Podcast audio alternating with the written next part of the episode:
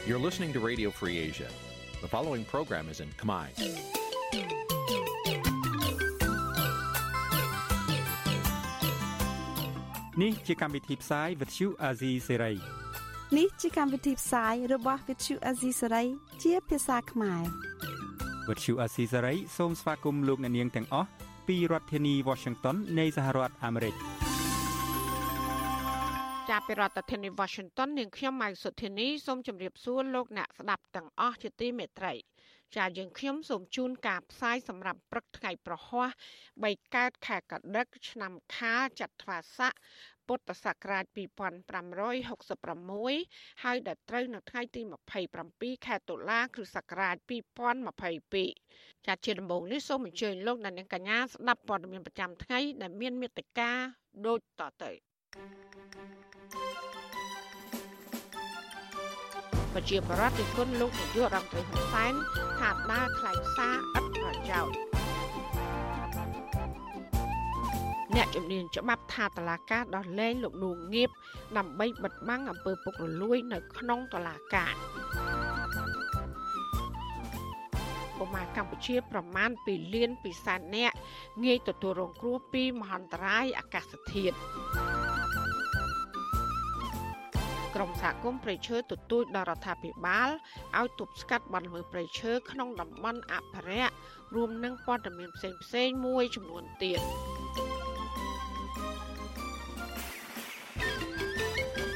ជាបន្តទៅទៀតនេះនាងខ្ញុំម៉ៅសុធានីសូមជូនព័ត៌មានទាំងនោះពឺស្ដាប់ ចាលោកដានៀងជាទីមេត្រីអ្នកខ្លំមើលនយោបាយលើកឡើងថាទំនាក់ទំនងរវាងគណៈបកភ្លើងទៀនជាមួយលោកសំរងស៊ីនិងមន្ត្រីបកប្រឆាំងផ្សេងទៀតមិនមែនជាទោសដែលត្រូវឈានដល់ការរំលាយគណៈបកភ្លើងទៀននោះឡើយការលើកឡើងដូចនេះក្រោយដែលលោកនាយករដ្ឋមន្ត្រីហ៊ុនសែនប្រមានចំឈ្មោះគណៈបកភ្លើងទៀនថាគណៈបកនេះ មានទំនាក់ទំនងជាមួយក្រុមមេដឹកនាំគណៈបកសង្គ្រោះជាតិនៅក្រៅប្រទេសហើយដែលប្រឈមការរំលាយចោលដែលលោកមានតាំងភ័ស្តុតាងទៀតផងចាលោកថាថៃរាយការណ៍ពុស្ដាជំនាញព័ត៌មាននេះដូចតទៅលោកនាយករដ្ឋមន្ត្រីហ៊ុនសែនបន្តប្រើសារគម្រាមកំហែងលើគណៈបកភ្លឹងទីនដែលគេមើលឃើញថាជាគណៈបកមួយមានកម្លាំងគ្រប់គ្រាន់អាចប្រគល់ប្រជែងជាមួយនឹងគណៈបកកណ្ដាលអំណាចទោះជាយ៉ាងណាមន្ត្រីជាន់ខ្ពស់គណៈបកភ្លឹងទៀនថាគណៈបកនេះ គ្មានរចនាសម្ព័ន្ធឬឋានៈដឹកនាំជាទុនដិតឡើយសារនយោបាយលោកហ៊ុនសែនមានទាំងការប្រមានរំលាយគណៈបកភ្លឹងទៀនផងនិងសារខ្លះទៀតហាក់អង្វរទៅមេដឹកនាំគណៈបកនេះឲ្យចេញមុខថ្កោលទោសលោកសំរងស៊ីរឿងប្រមាថព្រះមហាក្សត្រលោកហ៊ុនសែនបានហៅឈ្មោះមេដឹកនាំគណៈបកភ្លឹងទៀនរួមមានលោកទៀវវណ្ណុលលោកថាច់សិដ្ឋានិងលោកសុនឆៃព្រមទាំងសមាជិកក្រុមប្រឹក្សាជាប់ឆ្នោតរបស់គណៈបកភ្លឹងទៀន ឲ្យចេញមុខបកស្រាយនិងថ្កោលទោសករណីដែលលោកចោតប្រកាន់ថាលោកសំរងស៊ីនិយាយពីព្រះមហាក្សត្រកាលពីពេលថ្មីថ្មីនេះថាជាការប្រមាថព្រះមហាក្សត្រតើការនិយាយរបស់អាសំរងស៊ីត្រឹមត្រូវ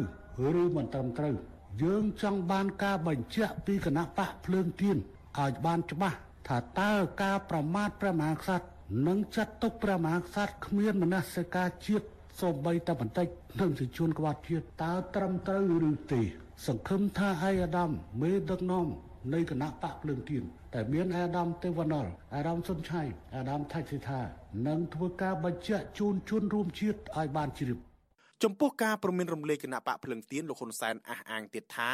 លោកចាប់សារសម្លេងការជជែកគ្នានៃកិច្ចប្រជុំគណៈបកភ្លឹងទៀនជាមួយនឹងមេដឹកនាំគណៈបកសង្គ្រោះជាតិនៅសហរដ្ឋអាមេរិកនិងប្រទេសបារាំងលោកឲ្យដឹងទៀតថាក្រៅពីនេះ ក៏មានសារសម្លេងរបស់អនុប្រធានគណៈបកសង្គ្រោះជាតិលោកអេងឆៃអៀងនិយាយជាមួយមន្ត្រីគណៈបកភ្លឹងទៀនម្នាក់តាកតងនឹងការផ្ដាល់លុយដើម្បីរៀបចំរចនាសម្ព័ន្ធគណៈបកនេះនៅខេត្តរតនគិរីហើយខ្ញុំដឹងថាមានភ្នាក់ងារមួយ បានបញ្ជូនខ្សែអាចនេះជូនទៅអស់លោករួចហើយរាប់ទាំងអេងឆៃអៀងច្បាប់ស្រីពីគណៈបកនយោបាយគឺចែងមិនឲ្យមានតំណែងតំណងជាមួយតនដិតនោះទេដូច្នេះចំណុចនេះក្រាន់តែប្រាប់អ្នកឯងឲ្យបានដឹងថាតម្រុយ ឆ្ពោះទៅរកនៃដំណាក់កាលមួយកំពុងប្រឈមសម្រាប់អ្នកឯងហើយមានលទ្ធភាពដែលបាក់ខ្លះអាចរលាយក៏អាចថាបានប្រសិនបើគេធ្វើសកម្មភាពស្របជាមួយនឹងសកម្មភាពរបស់ជួនក្បត់លោកហ៊ុនសែនថ្លែងបែបនេះនៅក្នុងពិធីផ្ដល់ស្រូវពូជដល់ប្រជាពលរដ្ឋជិត3500គ្រួសារនៅខេត្តកំពង់ឆ្នាំងនៅថ្ងៃទី26ខែតុលាលោកហ៊ុនសែនក៏ជំរុញឲ្យសមាជិកក្រុមប្រឹក្សាគណៈបកភ្លឹងទៀនគូចាក់ចេញពីគណៈបកនេះ ទន្ទឹមនឹងការប្រមានរំលាយគណៈបកភ្លើងទៀន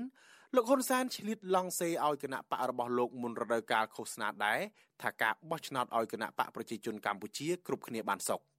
សារព្រមានធ្ងន់ធ្ងររបស់លោកហ៊ុនសែនបែបនេះគណៈរដ្ឋាភិបាលលោកហ៊ុនសែនកំពុងធ្វើយុទ្ធនាការថ្កោលទោសលោកសំរងស៊ីថាបានប្រមាថព្រះមហាក្សត្រចំណែកក្រសួងយុតិធធកាលពីថ្ងៃទី25ខែតុលាបានចោទប្រកាន់លោកសំរងស៊ីថាបានប្រមាថយ៉ាងធ្ងន់ធ្ងរលើប្រជាស្ដារព្រះមហាក្សត្រទោះបីជាពេលនេះ លោកសំរងស៊ីដែលត្រូវបានតុលាការនៃរបបលោកហ៊ុនសែនកាត់ទោសឲ្យជាប់ពន្ធនាគារមួយជីវិតនិងបិទសិទ្ធិធ្វើនយោបាយជាស្ថាពរទៅហើយក្តីក៏ក្រសួងយុតិធននៅតែចេញអធិបញ្ជា បង្គាប់ទៅតុលាការក្រុងភ្នំពេញឲ្យចាត់វិធានការផ្លូវច្បាប់ជាបន្ទាន់និងតឹងរឹងបំផុតលើលោកសំរងស៊ីក្នុងសំណុំរឿងប្រមាថព្រះមហាក្សត្រនេះជំវិញសារព្រមានរបស់លោកហ៊ុនសែនលើគណៈបកភ្លឹងទៀនអនុប្រធាននិងជាអ្នកនាំពាក្យគណៈបកភ្លឹងទៀនលោកថាច់សិដ្ឋាឲ្យដឹងថា គណៈបកភ្លឹងទៀនបានធ្វើសកម្មភាពស្របតាមច្បាប់ហើយគណៈបកនេះមានរចនាសម្ព័ន្ធថ្នាក់ដឹកនាំគឺសុទ្ធតែជាមនុស្សនៅក្នុងប្រទេសដែលមិនមែនជាទណ្ឌិតអនុប្រធានគណៈបកភ្លឹងទៀនរូបនេះឲ្យដឹងទៀតថាគណៈបកភ្លឹងទៀនក៏គ្រងនឹងចេញសេចក្តីថ្លែងការណ៍មួយបញ្ជាក់ជំហររបស់ខ្លួនទាក់ទងនឹងព្រះមហាក្សត្រក្នុងពេលឆាប់ៗនេះ។ យើងធ្វើដោយឯករាជ្យយើងមានអធិបតេយ្យកបៈរបស់យើងពេញបរិបូរយើងមិនទទួលបញ្ជាឬក៏ដោយសារណាណាបកបបញ្ជាពីខាងណាមកលើគណៈបកយើងនោះនោះឡើយមានន័យថាយើងធ្វើសកម្មភាពដោយទទួលខុសត្រូវដោយឯករាជ្យរបស់យើងដោយថ្នាក់ដឹកនាំនៃគណៈបកភ្លើងទៀនស្របតាមលក្ខន្តិកៈដែលមានតម្កល់នៅក្រសួងថាផ្ទៃចំណែកអនុប្រធានគណៈបកសង្គ្រោះជាតិលោកអេងឆៃអៀងយល់ថា ការប្រមានរបស់លោកហ៊ុនសែនពេលនេះហាក់ដូចជាបង្ហាញថាលោកហ៊ុនសែនកំពុងមានជំងឺអ្វីមួយយ៉ាងទើបលោកហ៊ុនសែនមានចំនួនជាមួយលោកសំរងស៊ីប៉ុន្តែបែរជាដើរខឹងគេឯងគ្រប់គ្នាលោកអេងឆៃអៀងឲ្យវិទ្យុអាស៊ីសេរីដឹងថាកាលមុនពេលនៃការបោះឆ្នោតឃុំសង្កាត់ធ្លាប់មានអតីតមន្ត្រីគណៈបកសង្គ្រោះជាតិដែលអះអាងថាជាសកម្មជនគណៈបកភ្លឹងទៀនបានសុំថវិកាពីលោកខ្លះដើម្បីធ្វើនយោបាយក៏ប៉ុន្តែលោកថាការសុំលុយនេះធ្វើឡើងក្នុងនាមជាបុគ្គលទេ ខ្ញុំតែបណ្ណាខ្ញុំមានមនុស្សចិត្តណាជាខ្ញុំថាធ្វើទៅខ្ញុំជួយតែប៉ុន្តែខ្ញុំទៅជួយគណៈបកណាសបុគ្គលនឹងកាត់តាក់តងឯណាណែងាយហើយលោកហ៊ុនសែននេះកាត់ដោយសារកាត់និយាយរួមទៅកាត់កាត់ឲ្យបុគ្គលនឹងមកបន្លំចូលមួយគណៈបកព្រឹកទៀនចឹងទៅដើម្បីចង់ដឹងចំពោះពួកខ្ញុំណាណែងាយអានឹងវាធម្មតាវាវាមិនមែនជាខ្ញុំទៅបកបជាគណៈបកភ្លើទីទេខ្ញុំអត់មានទេព្រោះសបុគ្គលទេបុគ្គលនឹងតាក់ទងខ្ញុំនឹង លោកអេងឆៃអៀងឲ្យដឹងទៀតថាលោកហ៊ុនសែនបានបន្លំជាមនុស្សផ្សេងផ្ញើសម្លេងសន្ទនានោះមកឲ្យលោកស្ដាប់កាលពីពេលកន្លងទៅរួចមកហើយដែរលោកឲ្យដឹងទៀតថាអ្នកដែលសុំលុយពីលោកធ្លាប់ជាអតីតអ្នកនយោបាយនៅគណៈបកសង្គ្រោះជាតិគឺលោកគិនគុណក្រោយមកលោកគិនគុណធ្លាប់ធ្វើសកម្មភាពនយោបាយជាមួយនឹងគណៈបកផ្នែកស្រឡាញ់ជាតិនិងគណៈបកភ្លឹងទៀនហើយចុងក្រោយនេះ លោកគិនគុណបានចោះចូលជាមួយនឹងគណៈបកប្រជាជនកម្ពុជានិងទទួលតំណែងជាជំនួយការក្រសួងប្រៃសណីនិងទូរគមនាគមន៍ទាក់ទងបញ្ហានយោបាយនេះដែរអ្នកជំនាញផ្នែកវិទ្យាសាស្ត្រនយោបាយនិងកិច្ចការអន្តរជាតិលោកអែមសវណ្ណារាយល់ថាករណីនេះកើតឡើងព្រោះអ្នកនយោបាយឆ្លោះគ្នាប៉ុន្តែពួកគេបានយករឿងជាតិមកប្រឡូកប្រឡាក់លោកយល់ថាទំនាក់ទំនងរវាងគណៈបកភ្លឹងទៀនជាមួយលោកសំរងស៊ីឬថ្នាក់ដឹកនាំគណៈបកសង្គ្រោះជាតិផ្សេងទៀតមិនទាន់ដល់កម្រិតដែលត្រូវរំលាយគណៈបកភ្លឹងទៀននោះទេ លោកបន្តថាកម្ពុជាគ្មានច្បាប់ណាមួយហាមមិនឲ្យពលរដ្ឋឬអ្នកនយោបាយនិយាយគ្នាជាមួយទណ្ឌិតនោះឡើយ។បាទបើយើងនិយាយទៅទំនាក់ទំនងវាអត់មានអីខុសច្បាប់ទេបុគ្គលណាក៏មានសិទ្ធិក្នុងតាក់ទងជនជាប់ចោតនៅក្នុងជនវិរុទ្ធជនឬក៏អ្នកទុកក៏អ្នកនយោបាយមានសិទ្ធិតាក់ទងដែរមានផ្ទះតខុសអីកុំឲ្យទៅ ទៅតាក់ទងប្រព្រឹត្តអំពើខុសច្បាប់គាត់ថាតាក់ទងក្នុងប្រស័យតាក់តាក់ទងគ្នាក្នុងនាមពលរដ្ឋខ្មែរមានច្បាប់ណាស់ហាមមិនឲ្យពលរដ្ឋខ្មែរនិយាយឆ្លើយឆ្លងគ្នាបើមិនលោកសំស៊ីឧទាហរណ៍តែគាត់តាក់ទងជាមួយនឹងគណៈបកប្រជាជនអញ្ចឹងចុះតែយ៉ាងម៉េចគណៈបកប្រជាជនត្រូវរំលាយដែរទៅប្រកាសអីដែរយ៉ាងម៉េចអានឹងវាជាហេតុផលដែលយើងគួរពិនិត្យមើលទាំងអស់គ្នាបាទកាលពីឆ្នាំ2017រដ្ឋាភិបាលលោកហ៊ុនសែន បានកែច្បាប់ស្ដីពីគណៈបកនយោបាយហាមគ្រប់គណៈបកនយោបាយមិនត្រូវប្រើប្រាស់សារជាសម្លេងរូបភាពឯកសារជាលិលាអសរឬសកម្មភាពរបស់ទណ្ឌិតជាប់ទោសពីបទឧក្រិដ្ឋឬពីបទមជ្ឈិមដើម្បីជាផលប្រយោជន៍នយោបាយសម្រាប់គណៈបករបស់ខ្លួនចំពោះទោសទណ្ឌដល់គណៈបកនយោបាយដែលបានប្រព្រឹត្តផ្ទុយពីច្បាប់នេះវិញគឺតុលាការអាចសម្រេចផ្អាកសកម្មភាពគណៈបកនយោបាយនោះរហូតដល់5ឆ្នាំឬអាចរំលាយគណៈបកនោះចោលតែម្ដង មន្ត្រីសង្គមស៊ីវិលធ្វើការងារតាក់ទងនឹងការបោះឆ្នោតរិះគន់ថាច្បាប់គណៈបកនយោបាយកែថ្មីនេះមានចរិតគិតសង្កត់សិទ្ធិគណៈបកនយោបាយនិងមេត្រាខ្លះចែងមិនច្បាស់លាស់ដែលបង្កភាពងាយស្រួលដល់គណៈបកណាមួយដែលរងការចាត់ប្រកាន់ថាមានទំនាក់ទំនងជាមួយទណ្ឌិតរដ្ឋាភិបាលលោកហ៊ុនសែនធ្លាប់បានរំលាយគណៈបកសង្គ្រោះជាតិមុនការបោះឆ្នោតជាតិកាលពីឆ្នាំ2018ដោយបន្សល់ទុកនៅវិបត្តិនយោបាយរ៉ាំរ៉ៃនិងការជាប់ទណ្ឌកម្មពីប្រទេសលោកសេរីជាង5ឆ្នាំមកនេះ ការរំលាយគណៈបកសង្គ្រោះជាតិកាលពីឆ្នាំ2017រដ្ឋាភិបាលបានចោទប្រកាន់ថាលោកកម្មសខាប្រធានគណៈបកសង្គ្រោះជាតិបានខុបខិតជាមួយរដ្ឋបរទេសដើម្បីផ្ដួលរំលំរដ្ឋាភិបាលក៏ប៉ុន្តែមកទល់ពេលនេះតុលាការរកមិនទាន់ឃើញលោកកម្មសខាមានទោសអ្វីនៅឡើយទេខ្ញុំថាថៃពីទីក្រុងមែលប៊ន ចាលោកណានីជាទីមេត្រីពាក់ព័ន្ធនឹងលោកនាយករដ្ឋមន្ត្រីហ៊ុនសែននេះដែរប្រជាប្រដ្ឋនិងអ្នកតាមដានស្ថានភាពនយោបាយនៅកម្ពុជារិះគន់លោកហ៊ុនសែនថាក្នុងរយៈពេលប្រមាណថ្ងៃចុងក្រោយនេះលោកបានថ្លែងសារនយោបាយគម្រាមកំហែង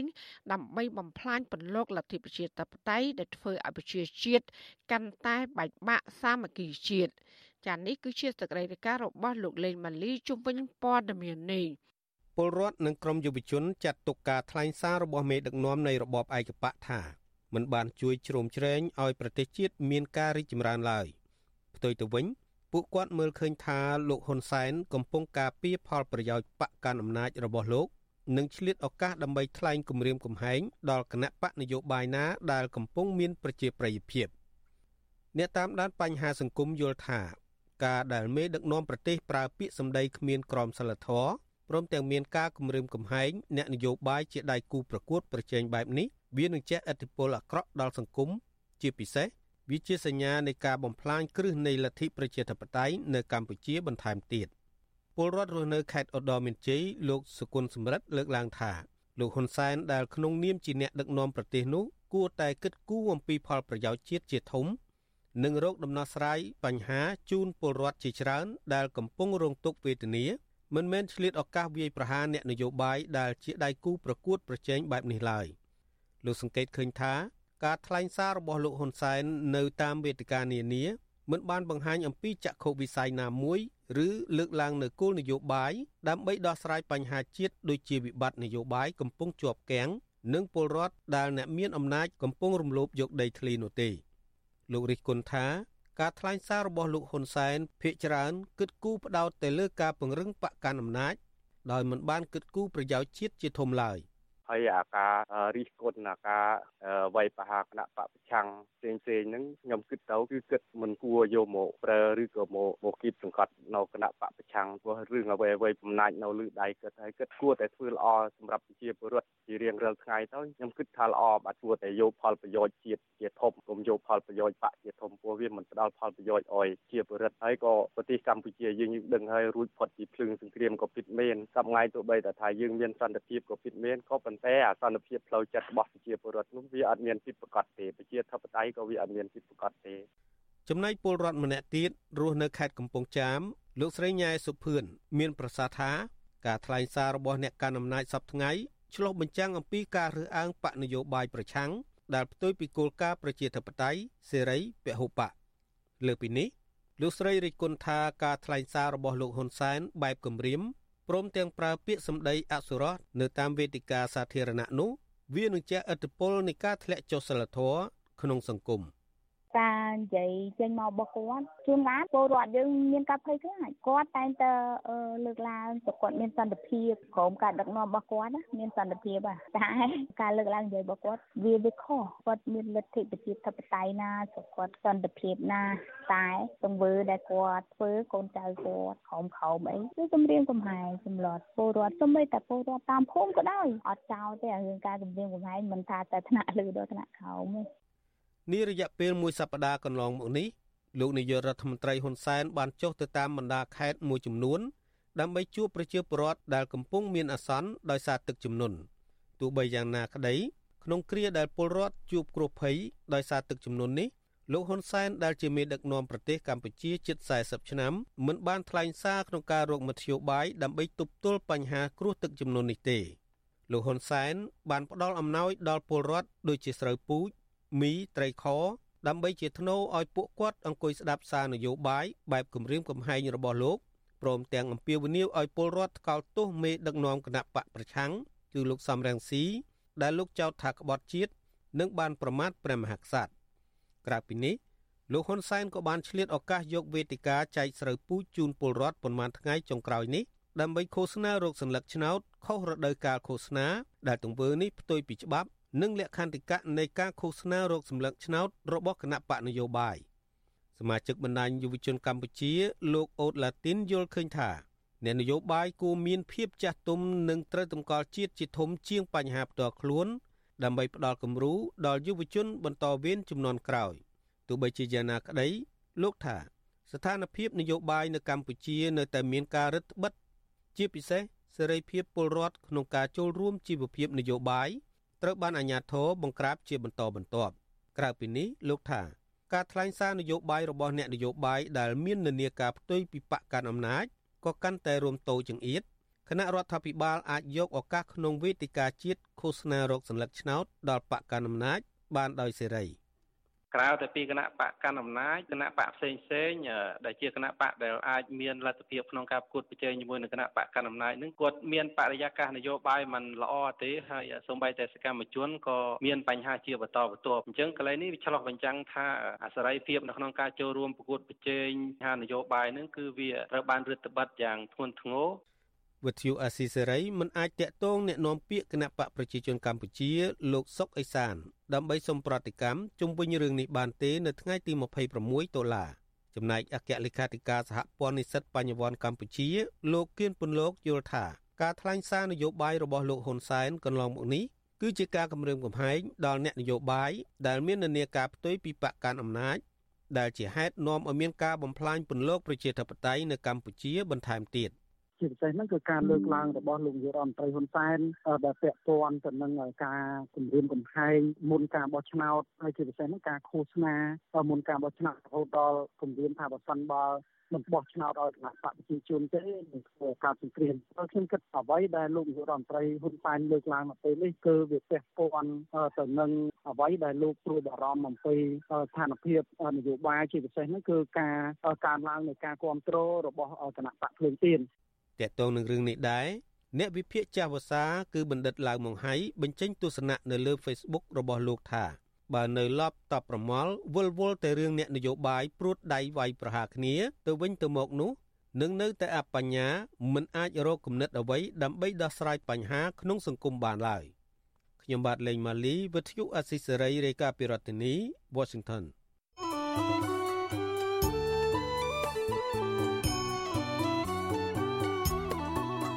ចាលោកនាងជាទីមេត្រីក្រោយទៅពីការស្ដាប់ការផ្សាយរបស់វិទ្យុអស៊ីសេរីតាមបណ្ដាញសង្គម Facebook និង YouTube លោកនាងកញ្ញាក៏អាចស្ដាប់ការផ្សាយរបស់យើង តាមរយៈរលកធាតុអាកាសខ្លីឬ Short Wave ដូចតទៅចាប់ពីព្រឹកចាប់ពីម៉ោង5កន្លះដល់ម៉ោង6កន្លះគឺតាមរយៈរលកធាតុអាកាសខ្លី12140 kHz ស្មើនឹងកម្ពស់ 25m និង13715 kHz ស្មើនឹងកម្ពស់ 22ម៉ែត្រចាសម្រាប់ពេលយប់វិញគឺចាប់ពីម៉ោង7កន្លះដល់ម៉ោង8កន្លះគឺតាមរយៈរលកធាតុអាកាសខ្លី9960 kHz ស្មើនឹងកម្ពស់ 30ម៉ែត្រ12140 kHz ស្មើនឹងកម្ពស់ 25ម៉ែត្រហើយនឹង1 1885 kHz ស្មើនឹងកម្ពស់ 25m ចាសសូមអរគុណ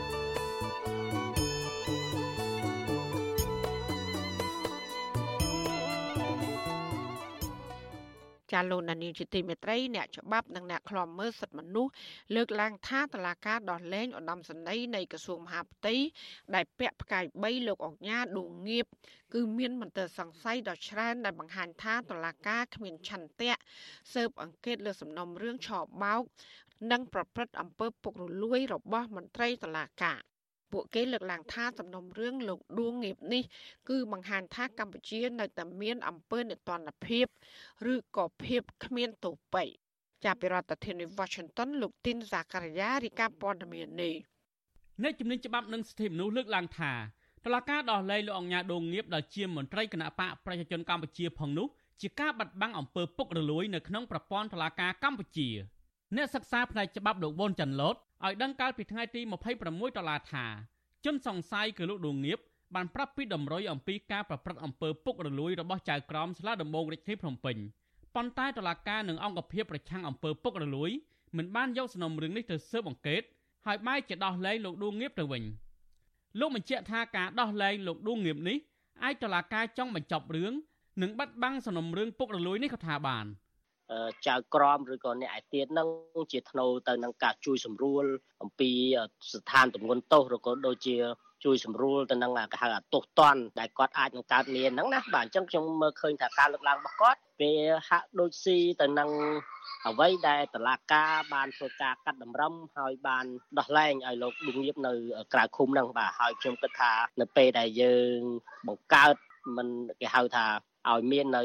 ករណីបែបហ្នឹងចេះតែមានជាបន្តបន្ទាប់ហើយដោយថាពលរដ្ឋគាត់ចំណាំតែមើលឃើញថាឲ្យតែអ្នកដែលមានទ្រព្យសម្បត្តិមានលុយកាក់ឬក៏អ្នកដែលស្និទ្ធទៅនឹងអ្នកមានអំណាចតែងតែគេចផុតពីសំណាញ់ច្បាប់ឬក៏អាចនៅក្រៅឃុំបានទោះបីជាអ្នកនឹងមានទោសកំហុសក៏ដោយហ្នឹងការលើកឡើងរបស់អ្នកជំនាញច្បាប់នេះនៅក្រៅពេលប្រធានចៅក្រមជំនុំជម្រះសាលាដំបងរាជធានីភ្នំពេញលោកស៊ិនសវណ្ណរត កាលពីថ្ងៃទី24ដុល្លារបានកាត់ទោសលោកដួងងៀបតម្រឹមឲ្យជាប់ទោសចំនួន8ខែពាក់ព័ន្ធនឹងបទល្មើសក្លែងឯកសារឆោបោកនិងចេញសាច់ស្អុយលោកសិនសវណ្ណរតបានសម្រេចដោះលែងលោកដួងងៀបវិញលោកបានប្រាប់កាសែតក្នុងស្រុកថាលោកដួងងៀបមិនជាប់ពិរុទ្ធដោយការចោទប្រកាន់ហើយម្យ៉ាងលោកក៏បានជាប់ពន្ធនាគារពេស៊ីចំនួន8ខែរួចទៅហើយដែរ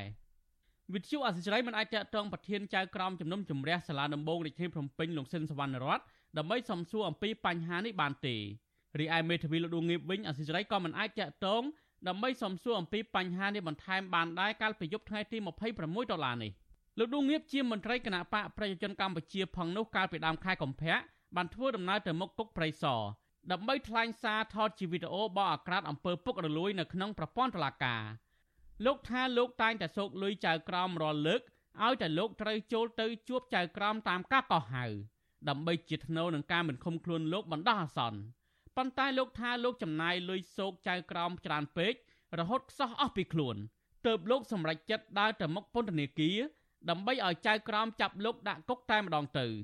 ទៅតកាន់លុយទៅបើរួចខ្លួនបើមិនចឹងទេរួចខ្លួនតែឥឡូវខែក្រោយទៀតហើយតិចនិចរបស់គាត់ចេញមករបៀបថាពជាពេលការឃុំខ្លួនចាប់ខ្លួនឃុំខ្លួនចាប់ខ្លួនក្រោមការឃុំខ្លួនខ្ញុំទ្រាំលេងបានហើយខ្ញុំអស់លុយឲ្យគាត់ទៀតទៅហើយ លោកដួងងៀបមិនបានបញ្ជាក់ថាតើលោកបានសោកលុយចៅក្រមតឡាការអស់ប្រាក់ចំនួនប្រមាណឲ្យពិតប្រាកដនៅឡើយទេប៉ុន្តែមុនលោកចេញវីដេអូបោះអាក្រាតលើកចុងក្រោយពីរឿងនេះលោកអះអាងថាចៅក្រមតុលាការសាលាដំបងបង្ខំឲ្យលោកដាក់ប្រាក់តម្កល់ចំនួន5លានដុល្លារជាថ្នូវនឹងការមិនឃុំខ្លួន 5លានខ្ញុំមានលុយណាតម្កល់ឲ្យគេខ្ញុំបានអង្វរទៅចៅក្រមថាខ្ញុំអត់មានលុយទេបើថា4 5ម៉ឺន10ម៉ឺនខ្ញុំអាចទៅខ្ចីគេបានបើលានលានខ្ញុំយកលុយមកពីណាក្រោយពីលោកបានថ្លែងជាសាធារណៈបែបនេះចៅក្រមស៊ើបសួរសាលាដំបងរាជធានីភ្នំពេញលោកអឹមវណ្ណៈបានចេញដីកាបង្គាប់ឲ្យចាប់ខ្លួនលោកដងងៀបភ្លាមភ្លាមពីបទក្លែងឯកសារឆោបោកនិងចេញសាយស្អុយប្រព្រឹត្តនៅចន្លោះឆ្នាំ2018និងឆ្នាំ2020តាមបណ្ដឹងអ្នកវិនិយោគជនជាតិចិនតៃវ៉ាន់ចំនួន2នាក់ អ្នកខ្លោមើលផ្នែកអភិវឌ្ឍសង្គមលោកបណ្ឌិតសេនស៊ូរីមានប្រសាសន៍ថាករណីលោកដួងងៀមនេះជារឿងពីលស៊ីពីលលោកបន្ថែមថាតុលាការចាប់ខ្លួនមន្ត្រីជាន់ខ្ពស់គណៈបកប្រជាជនកម្ពុជាលោកដួងងៀមនេះក៏ដោយសារតែលោកបានលាតត្រដាងអំពីការពិតឬអំពើសោកប៉ាន់តុលាការដែលធ្វើឲ្យប៉ះពាល់ដល់មុខមាត់គណៈបកប្រជាជនកម្ពុជាលោកអាញាដួងដួងងៀននឹងដើរលើសបន្ទាត់ក្រហម ដែលអាចដែលហ៊ានរហូតទៅដល់រិះគន់ស្ថាប័នតុលាការរិះគន់ទៅលើការដឹកនាំបង្ហាញអំពីភាពកំសោយនៃប្រព័ន្ធដឹកនាំរដ្ឋជាពិសេសវិស័យតុលាការហ្នឹងដែលធ្វើឲ្យប៉ះពាល់ធ្ងន់ធ្ងរទៅដល់ទៅដល់គណៈបកកណ្ដាលអំណាចអំឡុងពេលដែលខ្លួនជាសមាជិករបស់គណៈបកកណ្ដាលអំណាចហើយជាទម្លាប់យើងឃើញថាសមាជិករបស់គណៈ កាន់អំណាចនេះជាទូទៅមិនសូវជាឃើញមាននរណាហ៊ានរិះគន់គ្នាទេទោះបីជារិះគន់ហ្នឹងក៏មិនហ៊ានរិះគន់ជាសាធារណៈអីដែរប៉ុន្តែករណីលោកឌួងងៀបនេះហាក់ដូចជាគាត់ដើរលើសបន្ទាត់ក្រហមដែលធ្វើឲ្យគាត់ត្រូវបានត្រូវបានតុលាការកាត់ទោសឲ្យជាប់ពន្ធនាគារតាក់ទងនឹងរឿងនេះដែរអ្នកនាំពាក្យសមាគមការពារសិទ្ធិមនុស្សអាត់ហុកលោកសឹងសានករណាមានប្រសាសន៍ថាប្រសិនបើតុលាការអនុវត្តច្បាប់បានត្រឹមត្រូវតុលាការត្រូវតែស៊ើបអង្កេតរកអ្នកជាប់ពាក់ព័ន្ធផ្សេងទៀតតាមការចង្អុលបង្ហាញរបស់លោកឌួងងៀប ពព័ន្ធនឹងការទទួលសំណូកយកលុយយកអីតាមការបំភ្លឺរបស់គាត់តាមវីដេអូ live អីទាំងអស់ហ្នឹងគួរតែមានការតាមដាននិងស៊ើបអង្កេតឲ្យបានច្បាស់ពីស្ថាប័នពាក់ព័ន្ធហ្នឹងថាតើពិតជាមានការប្រព្រឹត្តដោយការលើកឡើងអញ្ចឹងឬអត់បើបើសិនជាមិនប្រព្រឹត្តទេវាធ្វើឲ្យ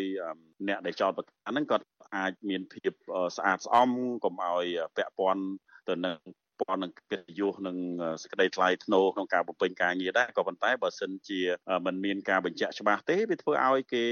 មានមន្ទិលសង្ស័យនឹងហើយថាតើការលើកឡើងវាជាការពិតឬយ៉ាងម៉េច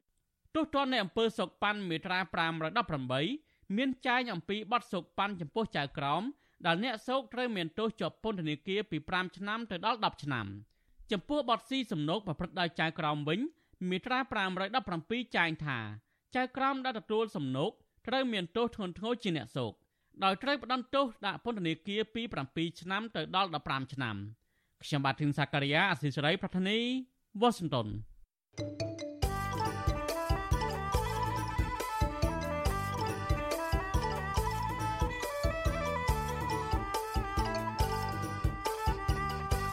ចាលោកនាងជាទីមេត្រីអតីតអ្នកយកព័ត៌មានរបស់វិទ្យុអសីស្រីស្នើឲ្យតឡាការកំពូលទម្លាក់ចោលបទចោតនិងប្រគល់អត្តសញ្ញាណប័ណ្ណនិងលិខិតឆ្លងដែនត្រឡប់មកវិញ ដើម្បីឲ្យលោកមានឱកាសបានទៅជួបសាច់ញាតិនៅឯស្រុកកំណើតកម្ពុជាក្រោម មន្ត្រីសង្គមស៊ីវិលថាតឡាការគួរទម្លាក់ចោលបទចោតនិងប្រគល់ឯកសារសម្គាល់ខ្លួនឲ្យទៅអ្នកសារព័ត៌មានទាំងពីររូបវិញ ដោយផ្អែកទៅលើអង្គច្បាប់ និងមនុស្សធម៌ដើម្បីឲ្យពួកលោកមានសិទ្ធិសេរីភាពពេញលេញចាលោកសនចន្ទរដ្ឋារិកាព័ត៌មាននេះដូចតទៅអតីតនាយកព័ត៌មានវិទ្យុអាស៊ីសេរីលោកយើងសុធិរិនហើយយើងសុជីមេតានៅព្រឹកថ្ងៃទី26ដុល្លារបានចូលសវនាការនៅតុលាការកំពូលតាក់ទងនឹងបណ្ដឹងសារទុក ដែលលោកស្នើសុំឯកសារសម្គាល់ខ្លួនរួមមានអត្តសញ្ញាណប័ណ្ណនៅលិខិតឆ្លងដែនមកវិញដើម្បីសួរសុខទុក្ខពុកម្ដាយសាច់ញាតិពិសេសបងស្រីរបស់លោកដែលកំពុងឈឺធ្ងន់ដល់ដំណាក់កាលចុងក្រោយលោកយើងសុធិរិនឲ្យដឹងនៅថ្ងៃទី26ដុល្លារថាការស្នើសុំនេះគឺដើម្បីលោកមានឯកសារគ្រប់គ្រាន់សម្រាប់ឆ្លងដែនទៅកម្ពុជាក្រោមដែលជាស្រុកកំណើតលោកថាជាង5ឆ្នាំមកហើយដែលលោកមិនបានជួបសួរសុខទុក្ខសាច់ញាតិឪពុកម្ដាយនោះទេខណៈបច្ចុប្បន្នបងស្រីរបស់លោកកំពុងមានជំងឺធ្ងន់ធ្ងរថែមទៀត លោកយើងសុធិរិនដែលមានដើមកំណើតជាខ្មែរកម្ពុជាក្រោមរំនេះរំពឹងថាតឡាការកម្ពុជានឹងយោគយល់ប្រកុលលិខិតឆ្លងដែនដល់លោកដល់ក្តីមនុស្សធម៌នឹងផ្អែកទៅតាមច្បាប់ដើម្បីឲ្យលោកទៅមើលបងស្រីរបស់លោកដែលកំពុងស្ថិតនៅដង្ហើមចុងក្រោយតែប៉ុណ្ណោះដោយគ្មានបំណងធ្វើដំណើរទៅប្រទេសណាផ្សេងនោះទេទន្ទឹមគ្នានេះលោកសន្យាថានឹងគោរពតាមការកំណត់របស់តុលាការគ្រប់លក្ខខណ្ឌឲ្យទៅមានការប្រកល់ឯកសារសម្គាល់ខ្លួនមកវិញហើយអនុញ្ញាតឲ្យលោកបានទៅស្រុកកំណើតបើទោះបីជាយ៉ាងណាលោកទទូចឲ្យតុលាការសម្រេចតបតាមសំណើរបស់លោក ដោយផ្អែកទៅលើអង្គច្បាប់និងក្នុងន័យមនុស្សធម៌ខ្ញុំបញ្ជាក់មួយតឡាការច្បាស់ថាខ្ញុំយកលិខិតឆ្លងដែនហ្នឹងគឺខ្ញុំទៅទៅកម្ពុជាក្រោមទេបើមិនតឡាការបារម្ភថាខ្ញុំទៅប្រទេសផ្សេងក្រៅកម្ពុជាក្រោមចង់ធ្វើមិនក៏បានដែរខ្ញុំបានប្រាប់អញ្ចឹងណាដើម្បីខ្ញុំធានាអំពីការទទួលខុសត្រូវរបស់ខ្ញុំចំពោះមុខតឡាការព្រោះខ្ញុំក៏ចង់ឲ្យតឡាការមានការច្បាស់លាស់ហើយមានទំនុកចិត្តដែរការស្នើសុំនេះបន្ទាប់ពីលោកបានចូលរួមសវនកម្មនៅតឡាការកំពូលពាក់ព័ន្ធនឹងម្ដងសាទររបស់លោកដែលស្នើសុំលិខិតឆ្លងដែនមកវិញនៅព្រឹកថ្ងៃទី26ខែតុលា ហើយតុលាការក្រុងប្រកាសលទ្ធផល នៅថ្ងៃទី2ខែវិច្ឆិកាឆ្នាំនេះនៅក្នុងសវនកម្មនៅព្រឹកថ្ងៃគៀនេះមេធាវីកាយពីក្តីលោកសំចម្រើន បានលើកឡើងពីអង្គច្បាប់ចំនួន2បង្ហាញទៅតុលាការដែលត្រូវផ្ដល់សេរីភាពក្នុងការដាហើហើយប្រកល់ឯកសារសម្គាល់ខ្លួនឲ្យកូនក្តីរបស់លោកវិញអង្គច្បាប់ទី1លោកបានលើកឡើងថាកូនក្តីទាំងពីររបស់លោកឡាយនៅក្រោមការត្រួតពិនិត្យរបស់តុលាការទៀតហើយក្រោយពេលដែលចៅក្រមស៊ើបសួរបានធ្វើសេចក្តីសន្និដ្ឋានបញ្ជូនសំណុំរឿងទៅកាន់អង្គជំនុំជម្រះ ចំណែកអង្គច្បាប់ទី2យោងទៅតាមដំណើរការនៃការស៊ើបអង្កេតមានរយៈពេលវែងជាង5ឆ្នាំហើយគ្មានភាពជាលើទំហំផងនោះកូនក្តីរបស់លោកមានសិទ្ធិស្នើសុំប័ណ្ណបញ្ចប់ការស៊ើបអង្កេតទៅតាមច្បាប់បញ្ញត្តិអំឡុងពេលសវនាការលោកជាងសុធិរិនបានលើកឡើងថាលោកបាត់បង់សាច់ញាតិចំនួន2រូបហើយមិនអាចទៅសួរសុខទុក្ខឪពុកម្ដាយចាស់ជរាដែលកំពុងរស់នៅកម្ពុជាក្រោមអស់រយៈពេល5ឆ្នាំមកហើយលោកយើងសុធិរិនស្នើសុំតុលាការប្រកុលលិខិតឆ្លងដែនលោកមកវិញដើម្បីអាចឲ្យលោកសួរសុខទុក្ខបងស្រីរបស់លោក ដែលកំពុងឈឺធ្ងន់ហើយមិនមានចេតនាកិច្ចវេះទៅប្រទេសណាផ្សេងនោះទេលោកមេធាវីសំចម្រើនឲ្យដឹងថាលោកមិនទាន់អាចធ្វើបរិយាវិនិច្ឆ័យពីការសម្រេចរបស់តុលាការកំពូលបានឡើយទេ តែទោះបីជាយ៉ាងណាលោកថាកូនក្តីរបស់លោកមានមូលហេតុនិងមូលដ្ឋានច្បាប់គ្រប់គ្រាន់និងច្បាស់លាស់ក្នុងការស្នើសុំឯកសារផ្ទាល់ខ្លួនត្រឡប់មកវិញលោកបានថែមថាលោករងចាំលទ្ធផលនៃសាលដីកាសម្រេចរបស់តុលាការកំពូលជាមុនសិនដើម្បីពិភាក្សាគ្នារកបញ្ញត្តិច្បាប់សម្រាប់បន្តនីតិវិធីនៅពេលក្រោយ ខ្ញុំមិនហ៊ានធ្វើប្រេមឆៃលើស្រីម្ដេចគឺថាបែបណាទេតែគ្រាន់ថាអ្វីដែលសំខាន់គឺសម្រាប់ពេលនេះរហូតដល់ពេលនេះផ្អែកទៅលើកត្តាពេលវេលានិងកត្តាច្បាប់គឺលោកយឺសរិនមានលក្ខខណ្ឌគ្រប់គ្រាន់សម្រាប់ការដាក់ពាក្យស្នើសុំទទួលយកប៉ាសពតមកប្រើប្រាស់វិញនេះជាលើកទី2ហើយដែលលោកយើងសុធិរិនបានប្តឹងសារទៅតុលាការកំពូលស្នើសុំឯកសារសម្គាល់ខ្លួនដើម្បីបានធ្វើដំណើរទៅកាន់ស្រុកកំណើតហើយបានបំពេញកាតព្វកិច្ចជាអ្នកសារព័ត៌មានបើទោះបីជាពេលនេះ លោកឡាយនៅក្រោមការត្រួតពិនិត្យរបស់តុលាការក្តីក៏លោកមិនបានទទួលសិទ្ធិសេរីភាពពេញលេញនៅក្នុងការរស់នៅនិងការប្រកបអាជីពដោយប្រតិទូទៅទេដោយសារតុលាការនៅតែបន្តរក្សាទុកអត្តសញ្ញាណប័ណ្ណនៅលិខិតឆ្លងដែនដែលសុទ្ធសឹងតែជាឯកសារសំខាន់ការស្នើសុំឯកសារម្ដងហើយម្ដងទៀតដោយសារលោកត្រូវប្រើប្រាស់ជាចាំបាច់គណៈឯកសារទាំងនេះគ្មានឥទ្ធិពលហើយមិនមែនជាផតតាំងក្នុងសំណុំរឿងនេះទេជុំវិញរឿងនេះវិទ្យុអេស៊ីសរ៉ៃមិនតន់តែតទៅអ្នកនាំពាក្យតុលាការកំពូលអ្នកស្រីម៉ៅធីតា ដើម្បីសូមអធិប្បាយអំពីការសម្រេចរបស់តុលាការកំពូលបានទេ នៅថ្ងៃទី26ដុល្លារដោយទូរស័ព្ទចូលតែអ្នកស្រីបានចុចផ្ដាច់លោកយើងសិទ្ធិរិនជាអតីតនាយកព័ត៌មាននៅវិទ្យុអេស៊ីសរ៉ៃដែលត្រូវបានអាជ្ញាធរចាប់ខ្លួនជាមួយអ្នកសារព័ត៌មានម្នាក់ទៀតគឺលោកអ៊ុនឈិនកាលពីពាក់កណ្ដាលខែវិច្ឆិកាឆ្នាំ2017ពួកគេត្រូវបានបញ្ជូនទៅឃុំខ្លួននៅព្រៃសរក្រោមបទចោទប្រកុលរបស់បរទេសដែលធ្វើអន្តរាយដល់ការការពារជាតិតាមមាត្រា445នៃក្រមព្រហ្មទណ្ឌកម្ពុជានិងមួយករណីទៀត ពីបទផលិតនិងការកៅរូបភាពអាភិអ្នកទាំងពីរត្រូវបានតុលាការដោះលែងឲ្យនៅក្រៅឃុំបណ្ដោះអាសន្នហើយលែងដាក់ស្ថិតក្រោមការត្រួតពិនិត្យតាមផ្លូវតុលាការនៅឆ្នាំ2019កាលពីថ្ងៃទី3ខែមេសាឆ្នាំ2022លោកយានសុធិរិនបានដាក់ពាក្យស្នើសុំលិខិតឆ្លងដែនពីតុលាការយកទៅប្រាស្រ័យម្ដងរួចមកហើយដើម្បីចូលរួមក្នុងកម្មវិធីមួយនៅសហរដ្ឋអាមេរិកកាលពីខែសុភាត្រោមការអញ្ជើញពីសហព័ន្ធខ្មែរកម្ពុជាក្រោមតែចៅក្រមសាលាដំបងរាជធានីភ្នំពេញបានបដិសេធការស្នើសុំនេះ ដោយមិនមានការបញ្ជាក់ពីមូលហេតុទេអ្នកសម្របសម្រួលគម្រោងការពីសេរីភាពមូលដ្ឋាននៃមជ្ឈមណ្ឌលសិទ្ធិមនុស្សកម្ពុជាលោករស់សារ៉ាត់យល់ឃើញថាតឡាការកម្ពុជាគួរផ្ដល់ឯកសារផ្ទាល់ខ្លួនដល់អតីតនាយកព័ត៌មានអាស៊ីសេរីទៅពីរវិញដើម្បីឲ្យពលលោកបានប្រកបកិច្ចការហើយមានសេរីភាពក្នុងការរស់នៅពេញលេញជានេះទៅទៀតលោកថាតឡាការគួរធ្វើការសម្រេចដោយមានភាពមនុស្សធម៌ដើម្បីលោកយឺសធិរិនបានជួបជុំក្រុមគ្រួសារពិសេសបងស្រីដែលមានជំងឺធ្ងន់ធ្ងរលោកបន្ថែមថាប្រសិនបើច្បាប់នៅតែរំខេមផតាង ដើម្បីដាក់បន្ទុកក្នុងសំណុំរឿងនេះតុលាការកំពូលគូតម្លាក់ចោលបទចោតហើយផ្ដល់យុត្តិធម៌ដល់អ្នកទាំងពីរវាបានអូបឡាយនីតិវិធីជាច្រើនឆ្នាំហើយតាំងពីឆ្នាំ2017រហូតមកដល់ពេលនេះតឡាការនឹងតែបន្តនីតិវិធីហើយមិនទាន់ផ្ដល់ភាពច្បាស់លាស់ណាមួយដល់ករណីគាត់តែអញ្ចឹងវាធ្វើឲ្យគាត់នឹងធ្វើឲ្យមានការរាំងស្ទះដល់ការធ្វើដំណើររបស់គាត់ជាពិសេសដូចគាត់បានលើកឡើងក្នុងសវនាការមុននេះបន្តិចអញ្ចឹងនៅខែតុលាឆ្នាំ2019សាលាដំបងរាជធានីភ្នំពេញ បានចេញសារក្រមចាររបៀបដើម្បីបើកការសង្កេតសំណុំរឿងនេះឡើងវិញបន្ទាប់ពីការជំនុំជម្រះត្រូវបានបញ្ចំដែលធ្វើពួកគេនៅក្រោមភាពមិនច្បាស់លាស់ស្របពេលដែលនីតិវិធីនៅតែបន្តមិនដាច់ស្រេចមជ្ឈមណ្ឌលសិទ្ធិមនុស្សកម្ពុជាបានសម្ដែងការខកចិត្តចំពោះការយាយីតាមប្រព័ន្ធតុលាការលើលោកយើងសធិរិននៅលោកអ៊ុនឈិនដែលមកទល់ពេលនេះមិនទាន់ទទួលបានការសម្រេចស្ថាពរណាមួយអស់រយៈពេលជិត5ឆ្នាំមកហើយចាប់ពីពេលចាប់ខ្លួនថ្ងៃទី14ខែវិច្ឆិកាឆ្នាំ2017 ខ្ញុំសនចាររថាវិទ្យុស៊ីសេរីរាយការណ៍ពីរដ្ឋធានីវ៉ាស៊ីនតោនចាលោកនាងជាទីមេត្រីបណ្ដាញសហគមន៍ប្រៃឈើបន្តទទូចដល់រដ្ឋាភិបាលឲ្យទប់ស្កាត់បទល្មើសប្រៃឈើនៅក្នុងដែនអភិរក្សឲ្យមានប្រសិទ្ធភាពនិងជាបន្ទាន់បណ្ដាញសហគមន៍ប្រៃឈើទាំងនោះរួមមានបណ្ដាញសហគមន៍ប្រៃឡង់ប្រៃសហគមន៍សង្រុកវ័ននិងសហគមន៍ប្រៃប្រះរកា ការអំពាវនាវរបស់បណ្ដាញសហគមន៍ប្រៃឈើទាំងនេះកើតមានឡើងដោយសារតែបាត់ល្មើសប្រៃឈើកំពុងកើតឡើងឥតឈប់ឈរនៅក្នុងដែនអភិរក្សរបស់ពួកគេនីមួយនីមួយរបាយការណ៍អង្កេតលើកទី2របស់ក្រុមអ្នកស្រាវជ្រាវនៃសាកលវិទ្យាល័យ Copenhagen ប្រទេសដាណឺម៉ាកចេញផ្សាយកាលពីពេលថ្មីៗនេះបង្ហាញថា កម្ពុជាបានបាត់បង់ព្រៃឈើជាង140,000ហិកតាកាលពីឆ្នាំមុន ក្នុងនោះការបាត់បង់គម្របព្រៃឈើក្នុងដែនជំរកសត្វព្រៃឡង់បានកើនឡើង22%ព្រៃប្រះរកា43%និងដែនជំរកសត្វព្រៃសង្រកវ័នចំនួន47%វជ្ជអសីស្រីមិនអាចតតងแนะនាំពាក្យក្រសួងបរិស្ថានលោកនេតភក្ត្រា ដើម្បីសាកសួរអំពីបញ្ហានេះបានទេកាលពីថ្ងៃទី26ខែតុលា បើតាមរបាយការណ៍ដដែលថាមូលហេតុនៃការបាត់បង់ប្រៃឈើនេះគឺដោយសារការផ្ដោតដីសម្បត្តិសេដ្ឋកិច្ចទៅឲ្យក្រុមហ៊ុនឈើរ៉ែនិងកសិកម្មរួមមានក្រុមហ៊ុនសិញបាយអូថិចក្រុមហ៊ុន PNT និងក្រុមហ៊ុនធីងាដោយពួកគេបានចូលទៅកាប់ឈើនៅក្នុងតំបន់អភិរក្សជាប្រចាំ ក្រុមបណ្ដាញសហគមន៍ការពារព្រៃឈើអំពាវនាវដល់រដ្ឋាភិបាលឲ្យត្រួតពិនិត្យនិងបញ្ឈប់ការផ្ដោតដីសម្បត្តិសេដ្ឋកិច្ច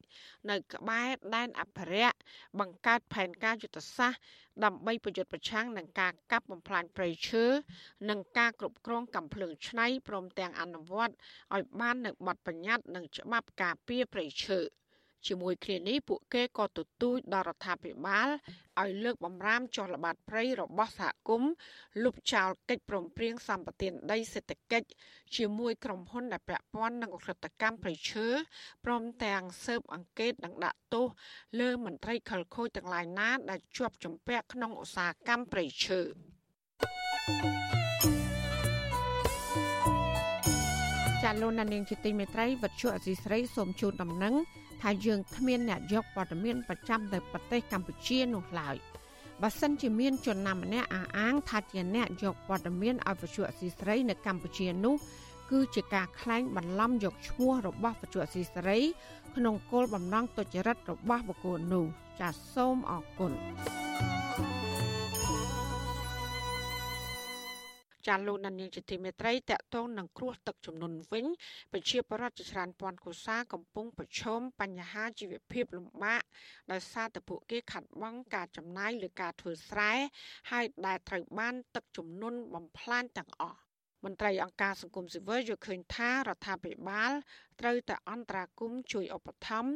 ដល់កសិករដែលរងគ្រោះពីទឹកជំនន់ឲ្យបានគ្រប់គ្រប់គ្នានិងមិនត្រូវមានការប្រកាន់និន្នាការនយោបាយឬក៏បពពួកនោះឡើយជាប្រធានាធិបតី Washington លោកមានរដ្ឋរាយការណ៍ព័ត៌មាននេះកសិករម្នាក់រស់នៅខេត្តបាត់ដំបងគឺលោកសឹមសនប្រាវិសុយស៊ីស្រីនៅថ្ងៃទី26ខែតុលាថាជីវភាពរបស់ក្រុមគ្រួសារលោក កាន់តែមានភាពលំបាកលំបិនព្រោះលោកបានខាតបង់ទៅលើការចំណាយថ្លៃស្រូវពូជថ្លៃជីនិងជួលម៉ាស៊ីនឲ្យគេធ្វើដីស្រែហើយទឹកជំនន់បានបំផ្លិចបំផ្លាញស្រូវរបស់លោកឲ្យរលួយអស់ដែលមានទំហំរហូតដល់ទៅជាង3ហិកតា លោកបន្តថាបើទោះបីជាគ្រួសាររបស់លោក មានបងស្រីជាជនពិការនិងមានជីវភាពក្រីក្រក្តីក៏ប៉ុន្តែលោកមិនដែលទទួលបានអំណោយពីរដ្ឋាភិបាលនាពេលកន្លងមកនោះទេខណៈអ្នកភូមិរបស់លោកខ្លះទៀតដែលមានជីវភាពធូរធារហើយមិនបានធ្វើស្រែចម្ការផងនោះបែរជាទទួលបានអំណោយពីអាជ្ញាធរទៅវិញ គេជីវភាពគេគ្រាន់ធូរធារអ្នកអត់អត់អ្នកមានមានអ្នកខ្លះមានសិតឡានលេងទៅម្ដងលេងសិត3 4អ្នកអីបាទនោះមានសិតឡានហើយទៅបើកអំណោយបែរជាអ្នកពិការអត់ហើយជាគេគិតថាខ្ញុំនឹងមានហ្នឹងហើយរត់ទៅផ្ទះនៅម្បានហ្នឹងនៅជាមួយត្រង់ជ្រូកហ្នឹងស្រដៀងគ្នានេះដែរកសិករម្នាក់ទៀតរស់នៅខេត្តបន្ទាយមានជ័យគឺលោកវឿនភៀបប្រាវិសុវស៊ីស្រីថាគ្រួសាររបស់លោក មិនបានទទួលអំណោយពីភាគីណាមួយនោះឡើយខណៈទឹកជំនន់បានធ្វើឲ្យស្រែរបស់លោកជាង4ហិកតារលួយអស់លោកថាជីវភាពគ្រួសាររបស់លោកកាន់តែលំបាកលំបិនព្រោះលោកត្រូវរកចំណូលផ្គត់ផ្គង់អាហារប្រចាំថ្ងៃហើយត្រូវសងបំណុលធនាគារដែលលោកបានខ្ចីដើម្បីចំណាយធ្វើស្រែនាពេលកន្លងមកអស់ជាង3លានរៀលបន្ថែមទៀតជាមួយគ្នានេះលោកវឿនភៀបស្នើសុំឲ្យរដ្ឋាភិបាល ចែកអំណោយឲ្យមានភាពស្មើគ្នានិងបានទៅដល់ដៃគ្រួសារកសិករក្រីក្រផងទៅដល់វាមិនកើតជាវាខាត់ ខាត់ទុនច្រើនហើយតែចាប់ផុសគីទាំងអស់ទេបាទចាប់ខាងគីទីងគីបងអុយផងមិនបានដើមវិញមកវាលលួយមាត់ចេះគឺមាននឹងទៅធ្វើអុយនៅបានរោដើមមួយទីនេះនេះក៏មានធ្វើការងារអុយនេះគាត់ថ្ងៃនោះរោតែត្រីវាលស្រែនេះណាចៅរៀនផងអុយផងក៏នេះក៏នឹងធ្វើរោអុយនេះក៏ខ្ញុំរោត្រីរោអុយបានតែខ្លួនត្រីអុយលក់ខ្វះអុយចៅរៀន វិសុវស៊ីស្រីមិនអាចតកតងแนะនាំពាក្យគណៈកម្មាធិការជាតិគ្រប់គ្រងគ្រោះមហន្តរាយលោកសុតកឹមកុលមនីដើម្បីបកស្រាយពីបញ្ហានេះបាននៅឡើយទេនៅថ្ងៃទី26ខែតុលាដោយទូរស័ព្ទចូលតែមិនមានអ្នកទទួលទោះជាយ៉ាងណាលោកសុតកឹមកុលមនីធ្លាប់ប្រាប់សារព័ត៌មានក្នុងស្រុកថាគ្រោះទឹកចំនួននៅក្នុងឆ្នាំ2022នេះ មានសភាពធ្ងន់ធ្ងរជាងឆ្នាំ2021ដោយបានបណ្ដាលឲ្យប៉ះពាល់ដល់ផលដំណាំរបស់ប្រជាកសិករចំនួន19ខេត្តនៅក្នុងនោះប្រជាកសិករបានរងគ្រោះដោយទឹកជំនន់មានចំនួនជាង100000គ្រួសារ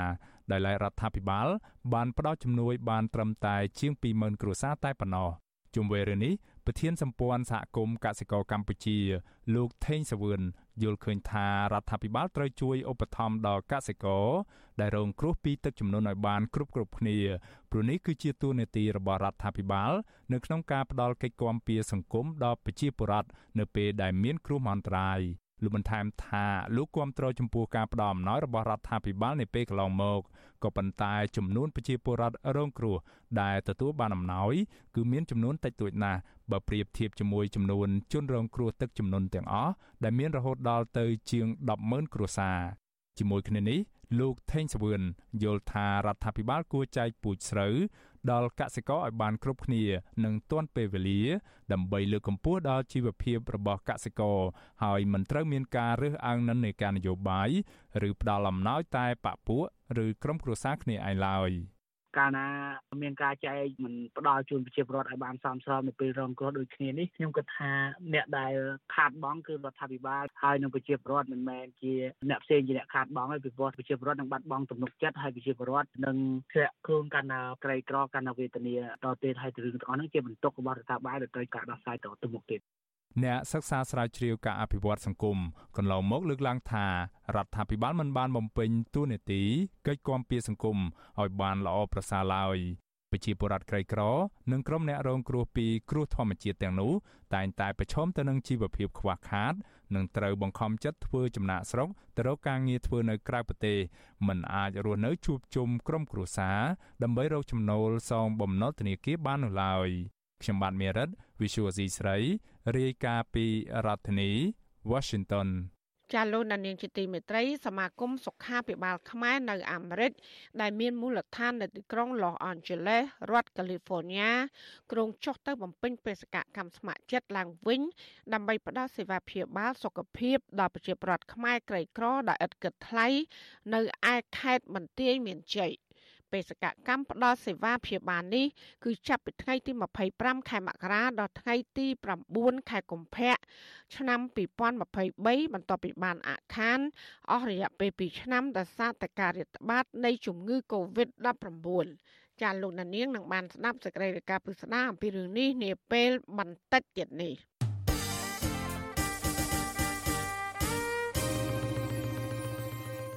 ចាលោកដានីជាទីមេត្រីមូលនិធិសហប្រជាជាតិដើម្បីកុមារ UNICEF ជំរុញរដ្ឋាភិបាលកម្ពុជានិងពិភពលោក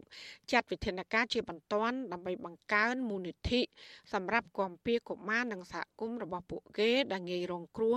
ពីរលកកម្ដៅខ្លាំងនិងគ្រោះមហន្តរាយផ្សេងៗបណ្ដាលមកពីការប្រែប្រួលអាកាសធាតុ ប្រធានស្ដីទី UNICEF ប្រចាំកម្ពុជា លោកវិជ្ជបណ្ឌិត អានៀបានឆាត់តិជី មានប្រសាសន៍ថាបំរែបំរួលអាកាសធាតុកំពុងបង្កគ្រោះថ្នាក់ដល់អាយុជីវិត និងសុខុមាលភាពកុមារកម្ពុជារួចទៅហើយប៉ុន្តែរបាយការណ៍ស្រាវជ្រាវថ្មីចុងក្រោយនេះបានបង្ហាញថានៅពេលអនាគតប្រទេសកម្ពុជានឹងក្លាយជាប្រទេសមួយ ក្នុងចំណោមប្រទេសដែលរងផលប៉ះពាល់ធ្ងន់ធ្ងរបំផុត នៅក្នុងពិភពលោក។ UNICEF កំពុងធ្វើការយ៉ាងជិតស្និទ្ធជាមួយរដ្ឋាភិបាលកម្ពុជា ដើម្បីដោះស្រាយបញ្ហាប្រឈមនានានៃការប្រែប្រួលអាកាសធាតុដោយផ្តល់សេវាសង្គមដល់កុមាររួមមានទឹកស្អាតនិងអនាម័យសុខភាព ការអប់រំអាហារូបត្ថម្ភនិងកិច្ចគាំពារសង្គមជាដើមបន្ថែមពីនេះរដ្ឋាភិបាលកម្ពុជាត្រូវបង្ការនិងទប់ស្កាត់គ្រោះមហន្តរាយអាកាសធាតុដោយកាត់បន្ថយការបំភាយឧស្ម័នផ្ទះកញ្ចក់ឲ្យបានច្រើន និងត្រូវផ្ដោតលើធម្មពលកកើតឡើងវិញ។ ក្តីបារម្ភទាំងនោះកើតមានឡើងក្រោយដែលការស្រាវជ្រាវថ្មីមួយរបស់ UNICEF ចេញផ្សាយកាលពីថ្ងៃទី25ខែតុលាបង្ហាញថាកុមារចំនួន559លាននាក់ក្នុងពិភពលោកឬក៏ម្នាក់ក្នុងចំណោម4នាក់កំពុងរងផលប៉ះពាល់ពីរលកកម្ដៅខ្ពស់ដែលកើតឡើងជាញឹកញាប់បន្ថែមពីនេះមានកុមារចំនួន624លាននាក់ឬក៏ម្នាក់ក្នុងចំណោម3នាក់ បានរងផលប៉ះពាល់ពីបាតុភិបកម្ដៅខ្ពស់ក្នុងនោះប្រទេសកម្ពុជាក៏មានកុមារចំនួន2លាន2សែននាក់ឬក៏ស្មើជាង37%នៃចំនួនកុមារសរុបកំពុងទទួលរងផលប៉ះពាល់នៃរលកកម្ដៅខ្ពស់ជាញឹកញាប់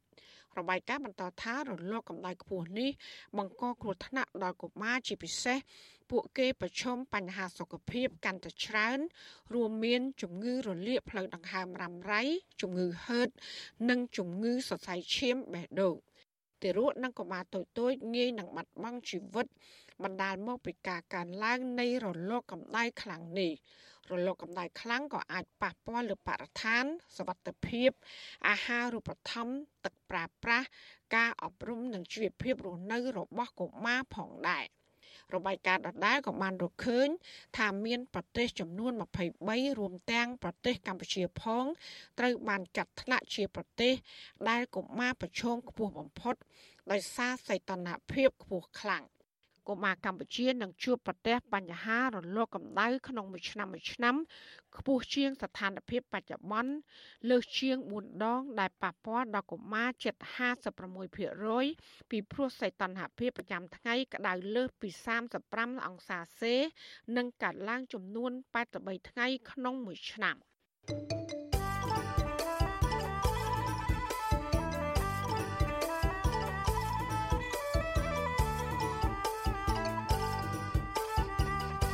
ចាលោកនាងជាទីមេត្រីនៅឯខេត្តបៃលិនកសិករចិញ្ចឹមមាន់មួយចំនួនត្អូញត្អែពីបញ្ហាមាន់ងាប់ជាបន្តបន្ទាប់ដោយសារមិនចេះបច្ចេកទេសព្យាបាលមន្ត្រីសង្គមស៊ីវិលជឿឃើញថាអាញាធរនិងស្ថាប័នពាក់ព័ន្ធគួរតែពិនិត្យនិងចុះស្រាវជ្រាវនៅតាមមូលដ្ឋាន ដើម្បីរកមូលហេតុជួយដល់កសិករនិងផ្ដល់ពូជមាន់ចិញ្ចឹមដល់ពួកគាត់ឡើងវិញចាអ្នកស្រីស្ងួនអមរារីកាព័ត៌មាននេះ កសិករចិញ្ចឹមមាន់នៅស្រុកសាឡាក្រៅខេត្តបៃលិនសោកស្ដាយសត្វមាន់ចិញ្ចឹមដែលឆ្លងជំងឺតគ្នាងាប់ជាបន្តបន្ទាប់ហើយគ្មានអាជ្ញាធរនិងមន្ត្រីជំនាញបច្ចេកទេសចោះបង្រៀនឬជួយដល់ពួកគាត់នៅឡើយទេកសិករចិញ្ចឹមមាន់នៅស្រុកសាឡាក្រៅលោកញឹបរ័ត្នប្រាប់វិទ្យុអាស៊ីសេរីនៅថ្ងៃទី25តុលាថាលោកចិញ្ចឹមមាន់លក្ខណៈគ្រួសារប្រមាណ50ក្បាលដើម្បីរកប្រាក់ចំណូលបន្ថែម ក្រៅពីមុខរបរដាំបន្លែលក់និងធ្វើសំណង់លោកបន្តថាមន់របស់លោកមានជំងឺហើមមុខហើយសំកុកងាប់ដោយពុំដឹងបណ្ដាលមកពីអ្វីលោកថាជំងឺនេះឆ្លងពីមន់មួយទៅមន់មួយយ៉ាងឆាប់រហ័សដោយក្នុងមួយថ្ងៃមានងាប់ចាប់ពី3ទៅ4ក្បាល ហើយលោកក៏បានយកទៅបោះចោលឬកប់ដីព្រោះខ្លាចឆ្លង ដល់មន់អ្នកចិត្តខាង លោកញឹបរ័ត្នបញ្ជាក់ថាលោកមិនធ្លាប់ទទួលបានការអប់រំផ្សព្វផ្សាយពីមន្ត្រីកសិកម្មពាក់ព័ន្ធការចិញ្ចឹមមាន់នោះទេ តាមខ្ញុំថាជួយ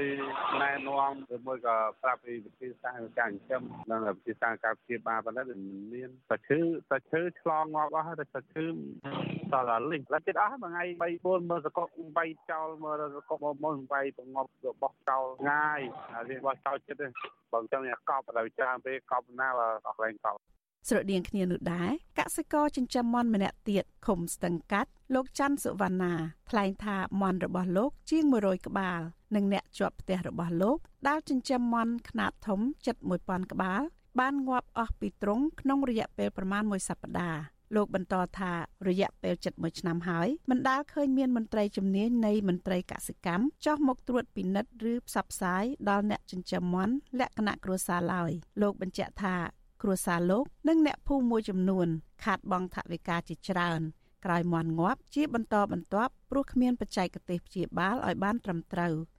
បាទមួយរយៈមុនវាមានជំងឺបងវាមានជំងឺងាប់អស់ត្រង់វិត្រង់អលីងអលីងហ្មងខ្ញុំជាង100ក្បាលបងខាងនេះគឺចាំត្រង់ត្រង់ត្រីធំងាប់ងាប់អលីងអលីងតែមិនដឹងវាជំងឺស្អីដូចតកោកាច់ហ្មងបងលឿនលើតំណុំធ្លាក់មកខ្ពៀកខ្ពៀកបកាច់យកគ្នាបណ្ដោយហើយទុនក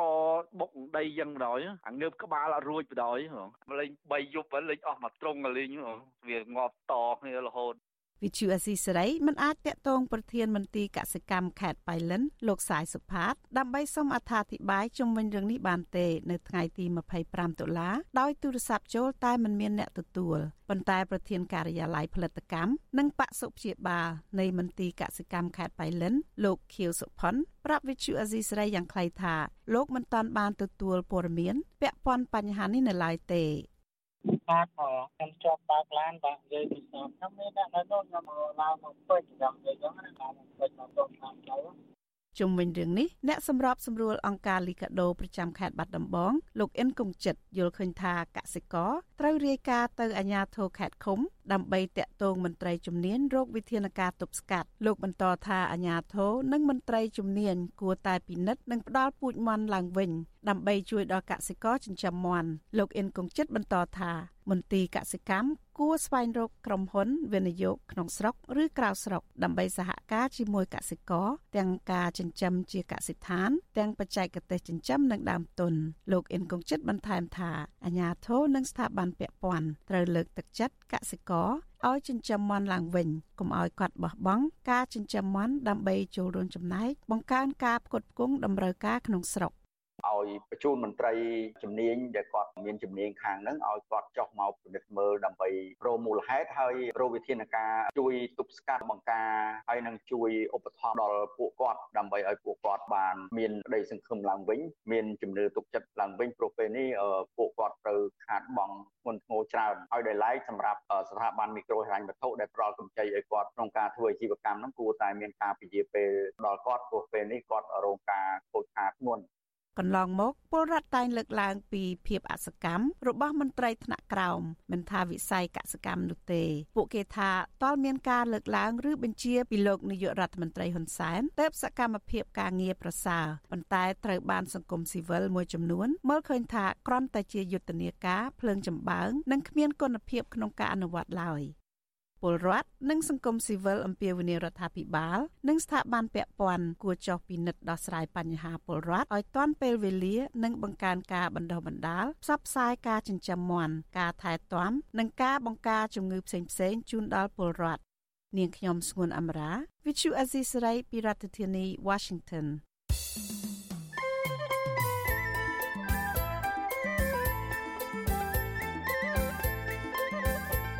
នេតិសុខភាព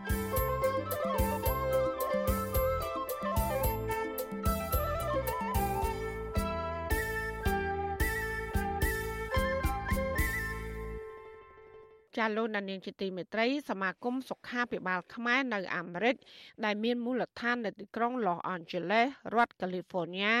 ក្រុងចុះទៅបំពេញបេសកកម្មស្ម័គ្រចិត្តឡើងវិញដើម្បីផ្តល់សេវាព្យាបាលសុខភាពដល់ប្រជាពលរដ្ឋខ្មែរក្រីក្រដែលឥតគិតថ្លៃនៅឯខេត្តបន្ទាយមានជ័យ បេសកកម្មផ្ដល់សេវាព្យាបាលនេះគឺចាប់ពីថ្ងៃទី25ខែមករាដល់ថ្ងៃទី9ខែកុម្ភៈឆ្នាំ2023បន្ទាប់ពីបានអាក់ខាន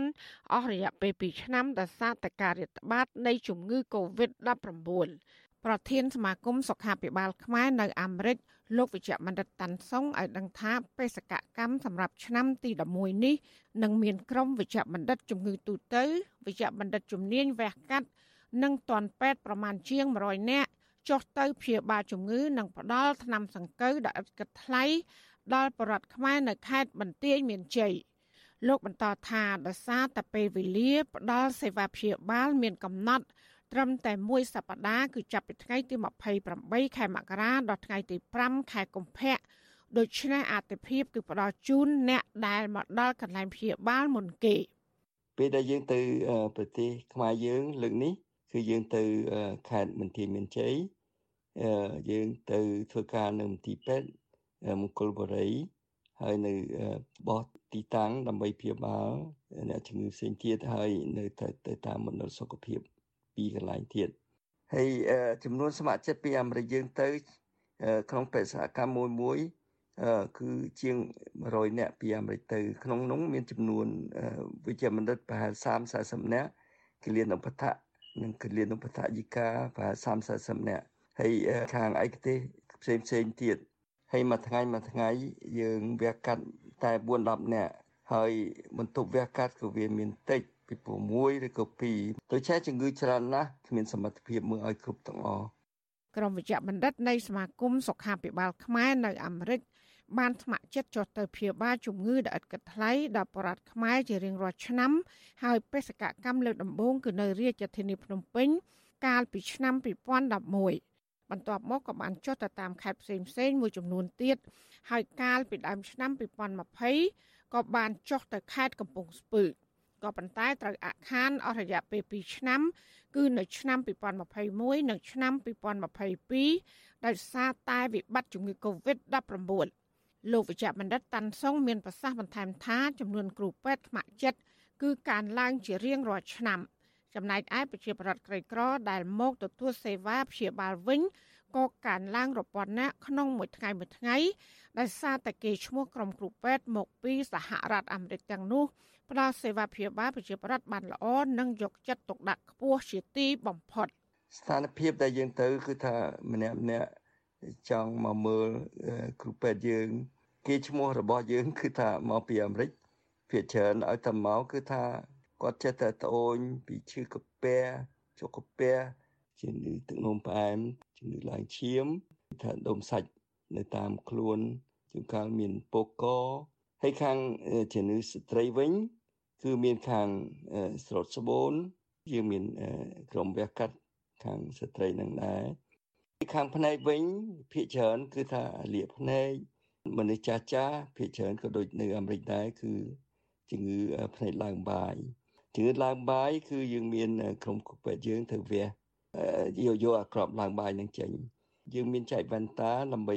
ដើម្បីការពារកុំឲ្យមានជំងឺឡើងបាយហ្នឹងគាត់ឲ្យថ្នាំយើងទៅថ្នាំរបស់យើងយកទៅរាល់ឆ្នាំគឺថារាប់តោន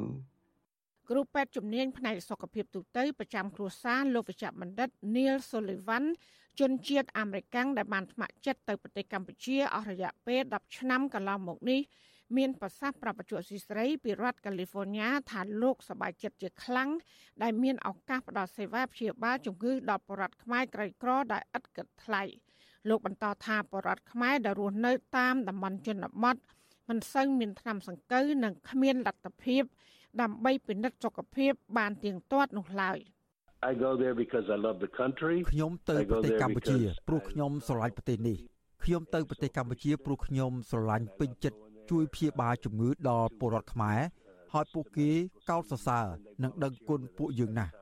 បន្ថែមពីលើនេះខ្ញុំសប្បាយចិត្តដែលមានឱកាសបង្ហាត់បង្ហាញនិងធ្វើការជាមួយនឹងក្រុមនិស្សិតពេទ្យ ដែលចូលរួមធ្វើការស្ម័គ្រចិត្តជាមួយនឹងយើងរៀងរាល់ឆ្នាំពេលដែលពួកយើងចុះទៅម្ដងម្ដង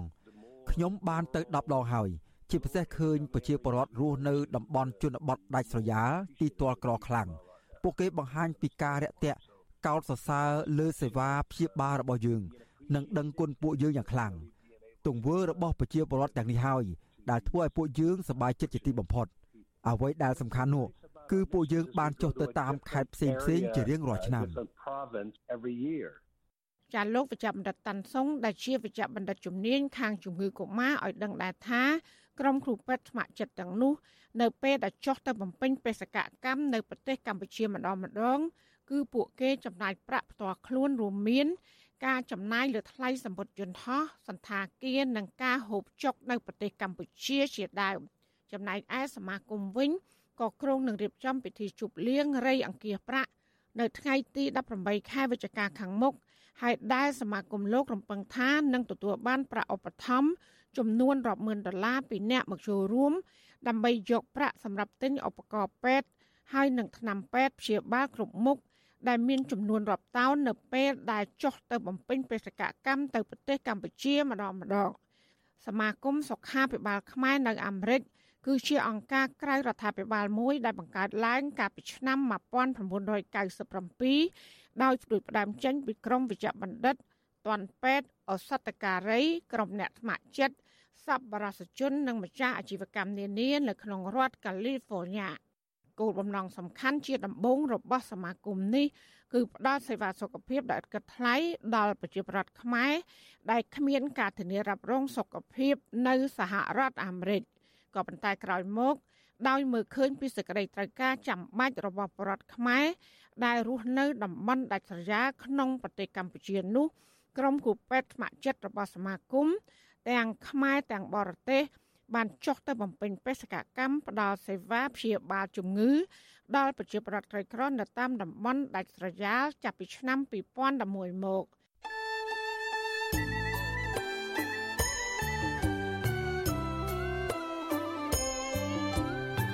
ចាលោកនាងកញ្ញាអ្នកស្ដាប់យុតិមេត្រីកັບផ្សាយរយៈពេល1ម៉ោងនៃវិទ្យុអាស៊ីស្រីជាភាសាខ្មែរនៅពេលនេះចាប់តែប៉ុណ្ណេះចាយើងខ្ញុំទាំងអស់គ្នាសូមជូនពរលោកនាងព្រមទាំងក្រុមគូសាទាំងអស់សូមជួបប្រកបតែនឹងសេចក្តីសុខសេចក្តីចម្រើន ជានិរន្តរ៍ចានាងខ្ញុំម៉ៃសុធានីព្រមទាំងក្រុមការងារទាំងអស់នៃវិទ្យុអាស៊ីស្រីសូមអរគុណនិងសូមជម្រាបលា